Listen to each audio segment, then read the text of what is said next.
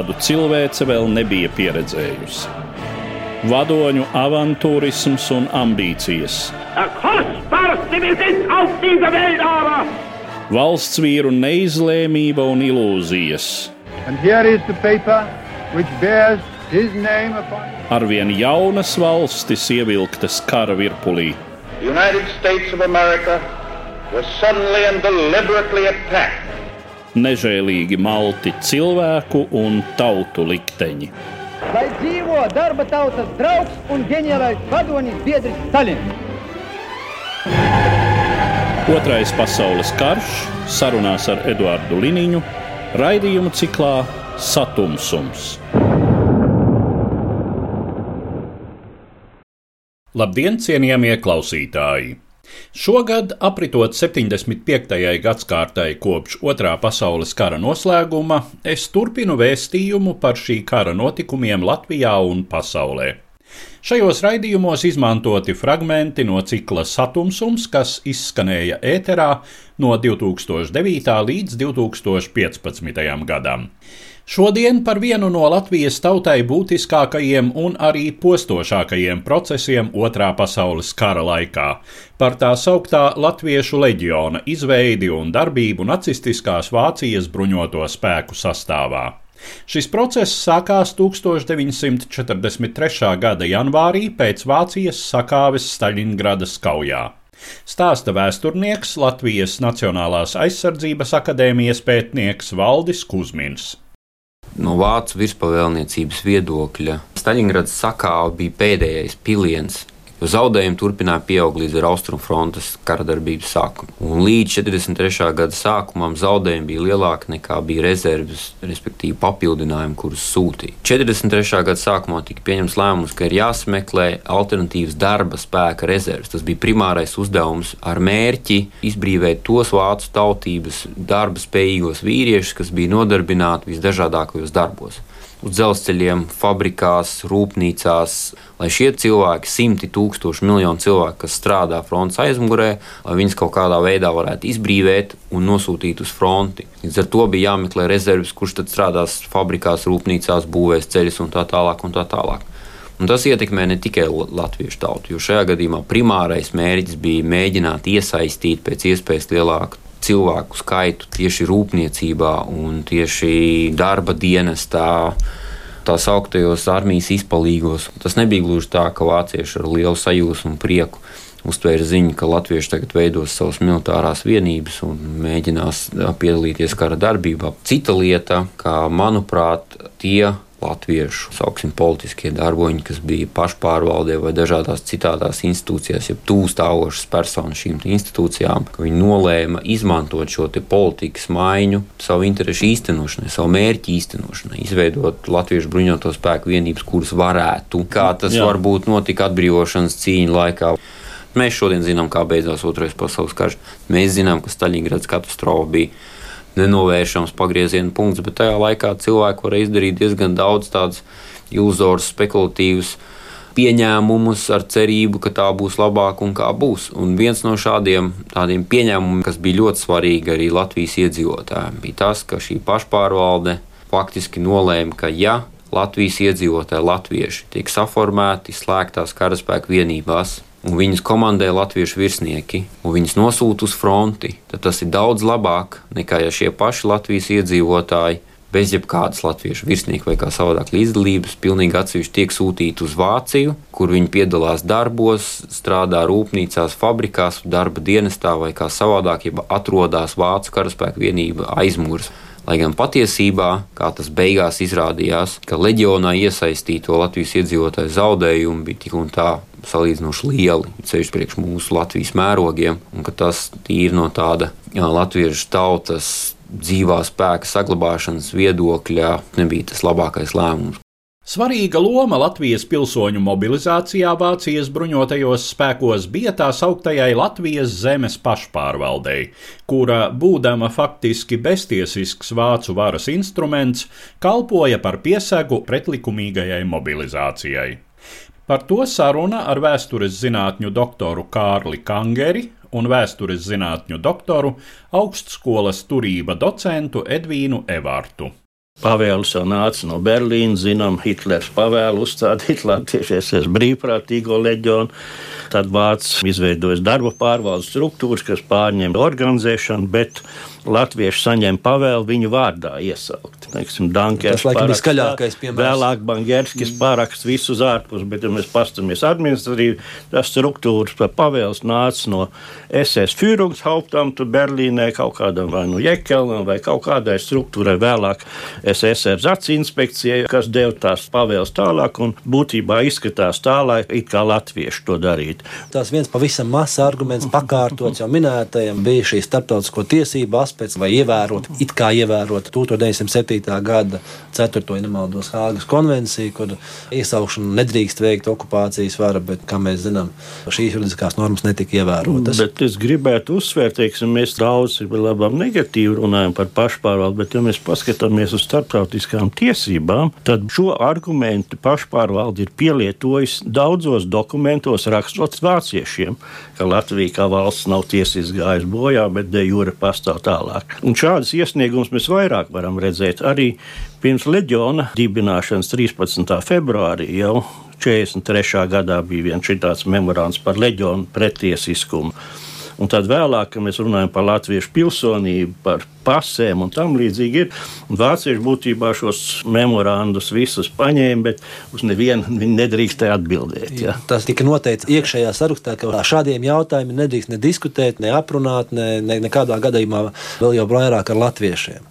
Tas bija pilnīgi aizliegts oficiāli. Bet nu, tā tad šī pašpārvalde tomēr no šādas argumentācijas neatturējās un zināmā mērā asociēja sevi ar Latvijas valsti, ar tās de jure pastāvēšanu. Vismaz vēlējās tādā veidā. Tādā pašā laikā mums jau ir jāatcerās tāda lieta, ka šī asociācija bija, varētu teikt, divdaļīga. Jo no vienas puses tas pats minētais Oskars Dankers, pašpārvaldes nominālais vadītājs, lielos vilcienos tomēr apzinājās, kādi ir aptuveni vācu nodomi Latvijā. Taču šie cilvēki nebija ar politisku pieredzi. Un viena lieta ir vēlme sevi asociēt, otra lieta ir eh, praktiskā daļa, šī iespēja kaut kādā veidā šajā jautājumā mazliet tā kā uzmanītos.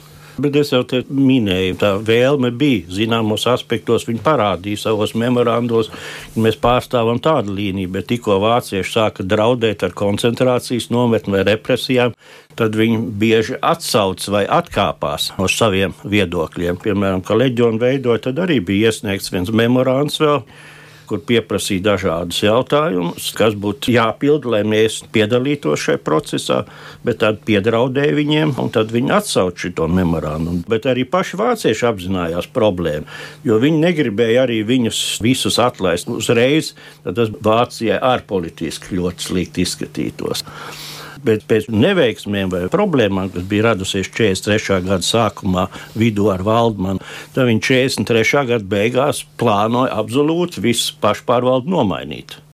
Turpinājumā Latvijas Universitātes vēstures institūta pētnieka Artūra Žvinkļa viedoklis par leģiona izveides politiskajiem, valsts tiesiskajiem un morālajiem aspektiem.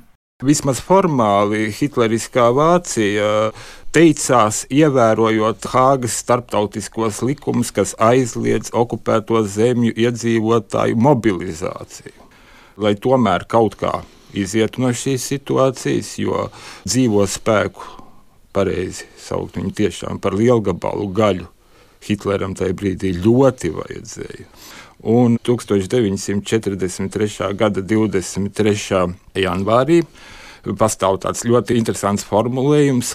Hitlers atļāva un pavēlēja veidot latviešu šos militāros formējumus. 10. februārī, attiecīgi tā paša gada, tika izdota jau formāla pavēle par SS brīvprātīgo leģionu veidošanu. Un tagad mēs nonākam pie šiem apzīmējumiem.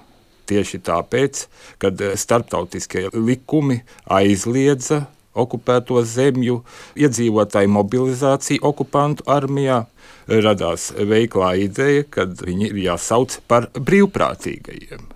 Un kā brīvprātīgo daļas veidošanas vienību noteica nevis mērmahtu, tā teikt, lai vēl vairāk tā atsvešinātu sevi, attālinātu no starptautisko noteikumu pārkāpumu, jo Wehrmachts tad ir eh, vācu armijas pamatkodols. Viņiem deva SS brīvprātīgo nosaukumu. Un, diemžēl guva arī uzreiz nekavējošu atbalstu vietējā pašpārvaldē zemes, kuru faktiski piesaistīja eh, un kur aktīvi veica un piedalījās šī leģiona veidošanā, mobilizācijā kas tika piesakta vēl piedāvājumā ar darba klausību 1941. gada 19. decembrī izdoto rīkojumu, kas noteica uh, obligāto darba klausību. Nu, tā tad uh, izvēles iespējas it kā jūs visi pakļauti darba klausībai, nu, varat brīvprātīgi piespiedu kārtā pieteikties leģionā. Propagandistisko iemeslu deva Padomju Savienības realizētā terora politika 40. un 41. gadā. Tas saucamais baigais gads. Tas atstāja ļoti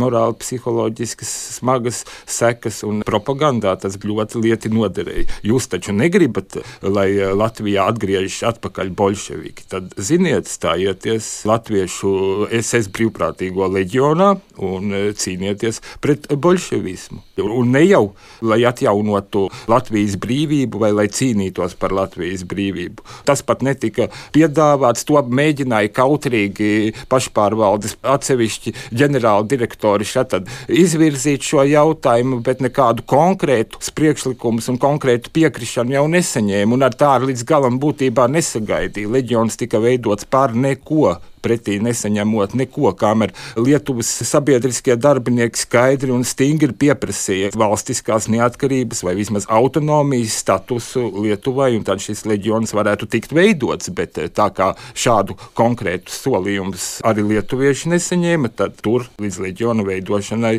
tā arī nenonāca.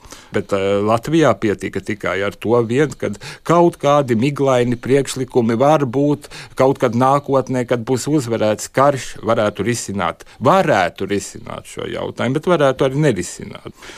Te nu ir tas smagais jautājums, kur es varbūt runāšu nepopulāri, varbūt daudziem tas var nepatikt. Atšķirībā no lietuviešiem mums ir viena liela nelaime, kas līdz šai dienai nav pārdzīvota diemžēl, mums nav bijis valstiskuma sakņu. Mums nav bijis aristokrātijas, kas domātu valstiski, atšķirībā no lietuviešiem. Tas ir ļoti attālināts jautājums, varbūt no konkrētā, bet šeit ir šī valstiskā domāšana, kas liek eh, cilvēkam valsts interesu labā nācijas interesu labā, atteikties no savām privilēģijām un pat būt gatavam iet cietumā un, ja vajadzīgs, nāvei. Latvijā, diemžēl, tā nebija. Un Latvijas vēl viena nelaime, kas attiecas uz Latvijas politisko elitu, tad tā tika skārta ļoti smagi. Un te vienkārši lielā mērā vispār nebija vairs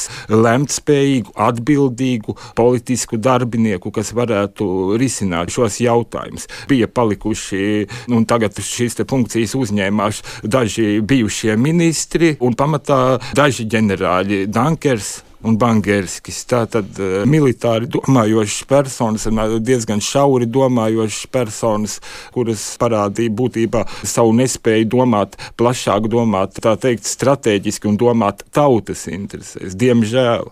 To pašu parādīja arī Padomju Savienībā būtībā Kirhensteins un Vilis Lācis, arī tur uh, organizējot Latviešu Nacionālās karaspēka vienības sarkanajā armijā. Tieši tas pats princips, ko šie latviešu tieši tā laika politiskie darbinieki neņēma vērā pilnīgi, kad ir taču viens galvenais princips. Jebkurā gadījumā tas ir nācijas dzīvā spēka saglabāšanas princips. Nav jābūt lielam militāram speciālistam, lai saprastu, ka kompaktas latviešu karaspēka vienības.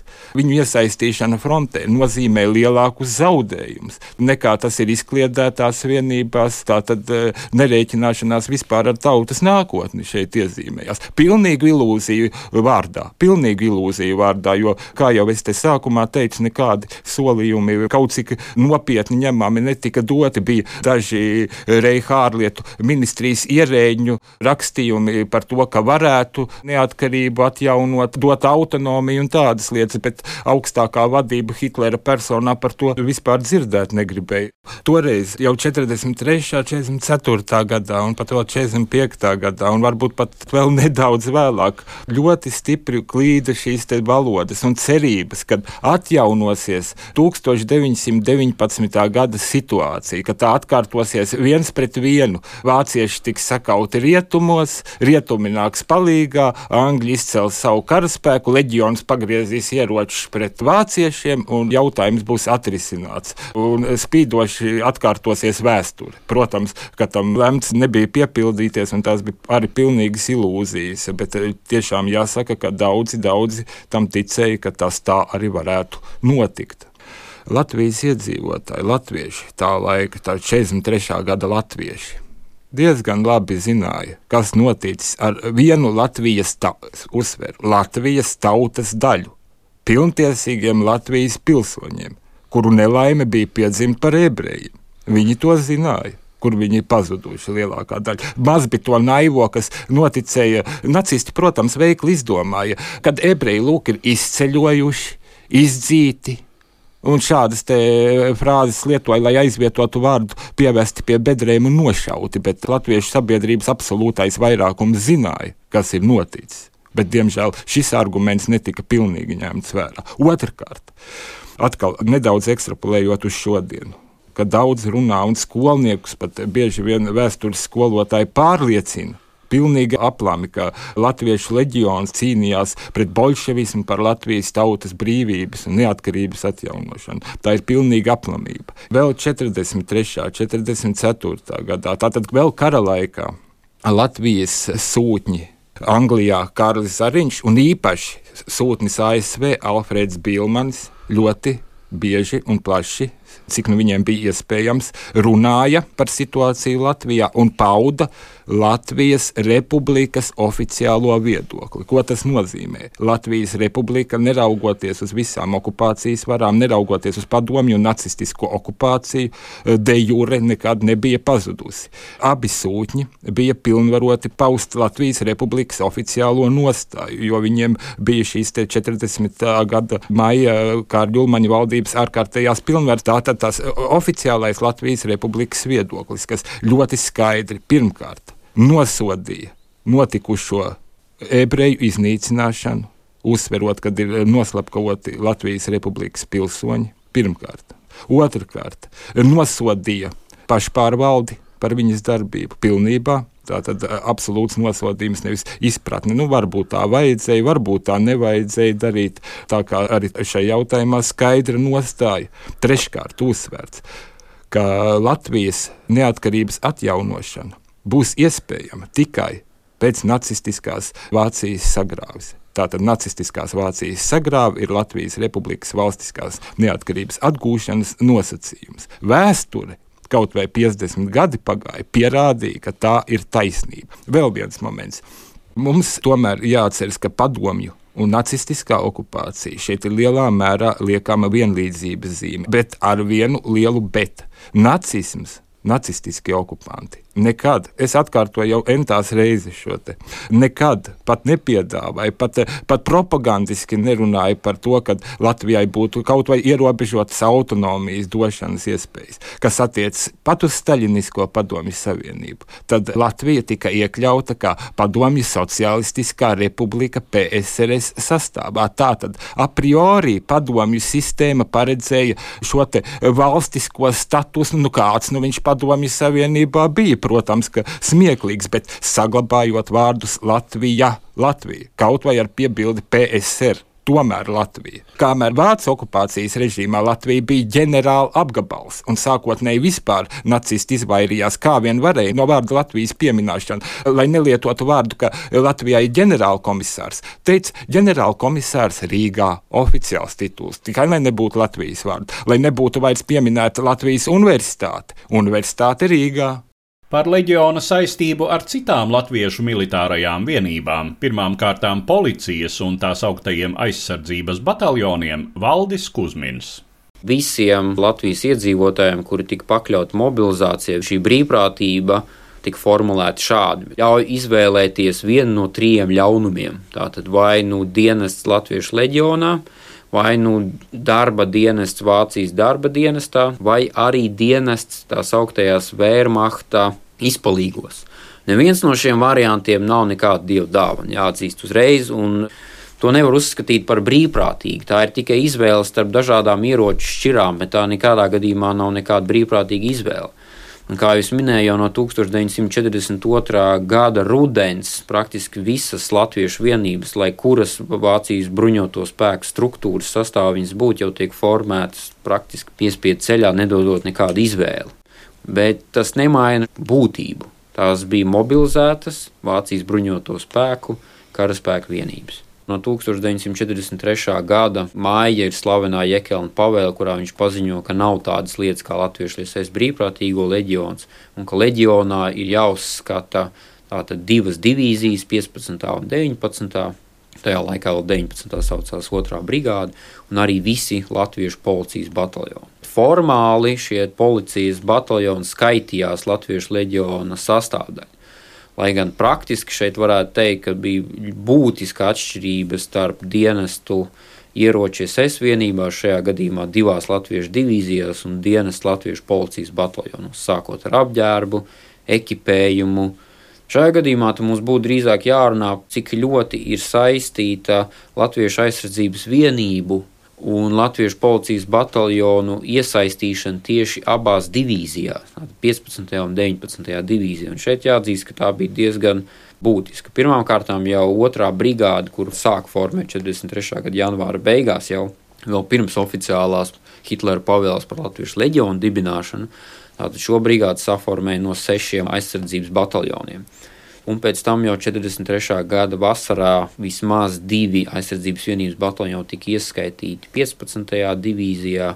Vai pārformēti, vai kā savādāk. Un pēc tam jau, ja mēs skatāmies tālāk, tātad 1944. gada vasarā jau ir policijas bataljoni, kur tiek ieskaitīti leģiona divīzijās, vai viņi tiek izformēti un virsnieki tiek ieskaitīti. To precīzi skaiti diezgan grūti noteikt, cik liela šī saistība starp policijas bataljoniem un Latvijas leģiona divīzijā. Bet gan arī trešā daļa noteikti tiek iesaistīta divīzijās. Otra lieta, kas ir ļoti būtiska, cik daudz latviešu virsnieki, kas sākotnēji bija iesaistījušies Latvijas policijas bataljonā, cik ļoti šie virsnieki pārgāja vai tika ieskaitīti Latvijas divīzijās, un tas skaits ir ļoti liels.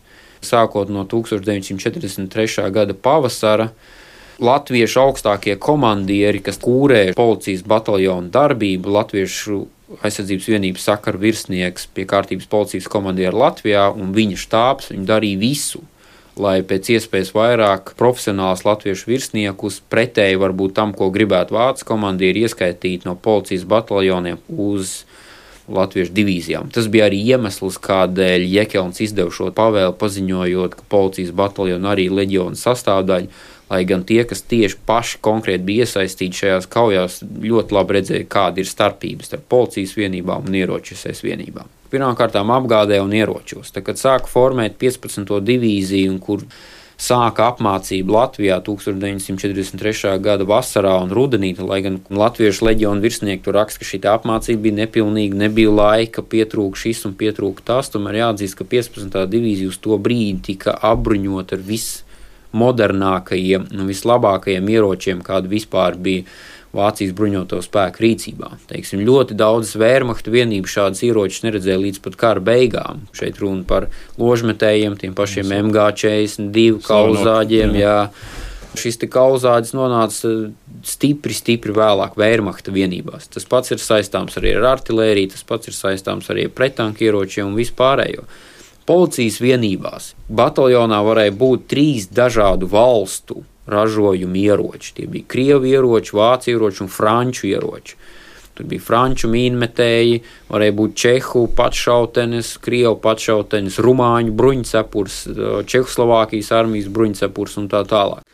Un ar visu no tām izrietošām sekām kas bija nu, ļoti smagas. Diezgan bieži tas bija dzīvības un nāves jautājums, jo labāk ir atrasties vienībā, kur ir modernāki ieroči, nekā atrasties vienībā, kur šo ieroču pirmā kārtā ir novecojuši, otrām kārtām reizēm vispār nav. Manuprāt, tas, kas attiecās uz Latvijas leģionu virsniekiem, ne tikai divīzijās, ir diezgan sarežģīti mobilizēt virsnieku profesionāli pret savu gribu un cerēt, ka šis virsnieks īstenos savus pienākumus tikpat labi kā tas, kurš iestājas brīvprātīgi. Var mobilizēt kareivi, kuram uzdevums ir tikai šaut un lādēt, bet šajā gadījumā virsnieka pienākumu frontē ir daudz atbildīgāk un daudz sarežģītāk.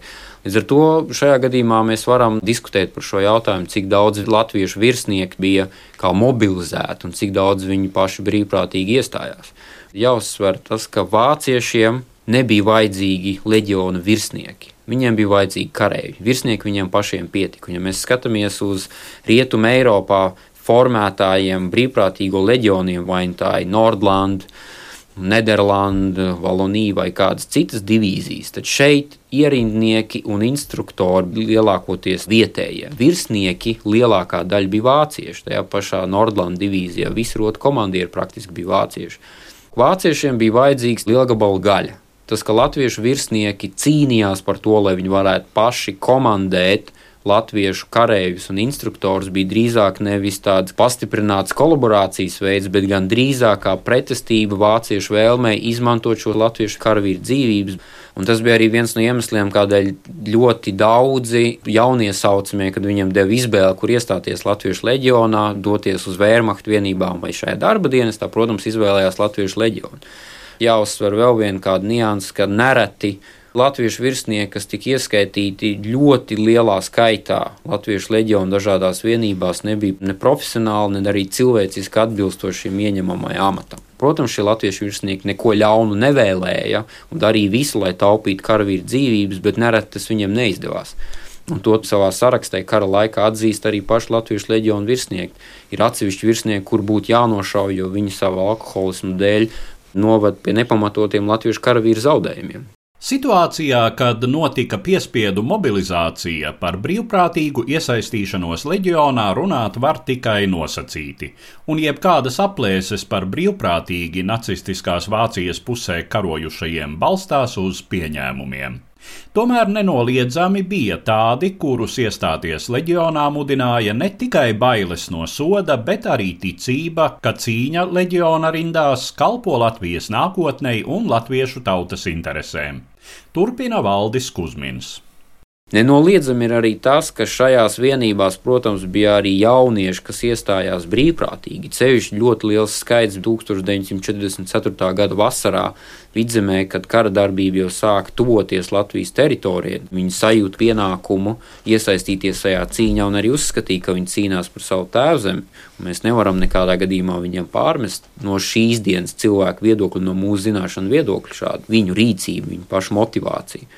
Cilvēki, kas cīnījās, viņi atradās frontē un bija gatavi ziedot savu dzīvību vai savu veselību par tām idejām, kuras varbūt bija pilnīgi neīstenojamas un nekad netiktu realizētas. Ideja par brīvu Latviju, un mēs šodien zinām, ka nekāda brīva Latvija nevarētu būt.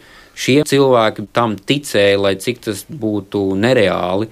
Mums nekas cits neatliek kā respektēt viņu ticību. Mums nav nekāda tiesība paziņot, ka tās visas bija muļķības. Līdz ar to izskan raidījums, kas bija veltīts tā sauktā Latviešu leģiona izveidei nacistiskās Vācijas bruņoto spēku sastāvā Otrā pasaules kara laikā. Raidījumā dzirdējāt vēsturniekus, augstskolas turība docentu Edvīnu Evartu, vēstures zinātņu doktoru Kārli Kangeri, Latvijas Nacionālās aizsardzības akadēmijas pētnieku Valdi Kuzminu un Latvijas Universitātes vēstures institūta pētnieku Artūru Žvinkli. Uz redzēšanos, cienījamie klausītāji!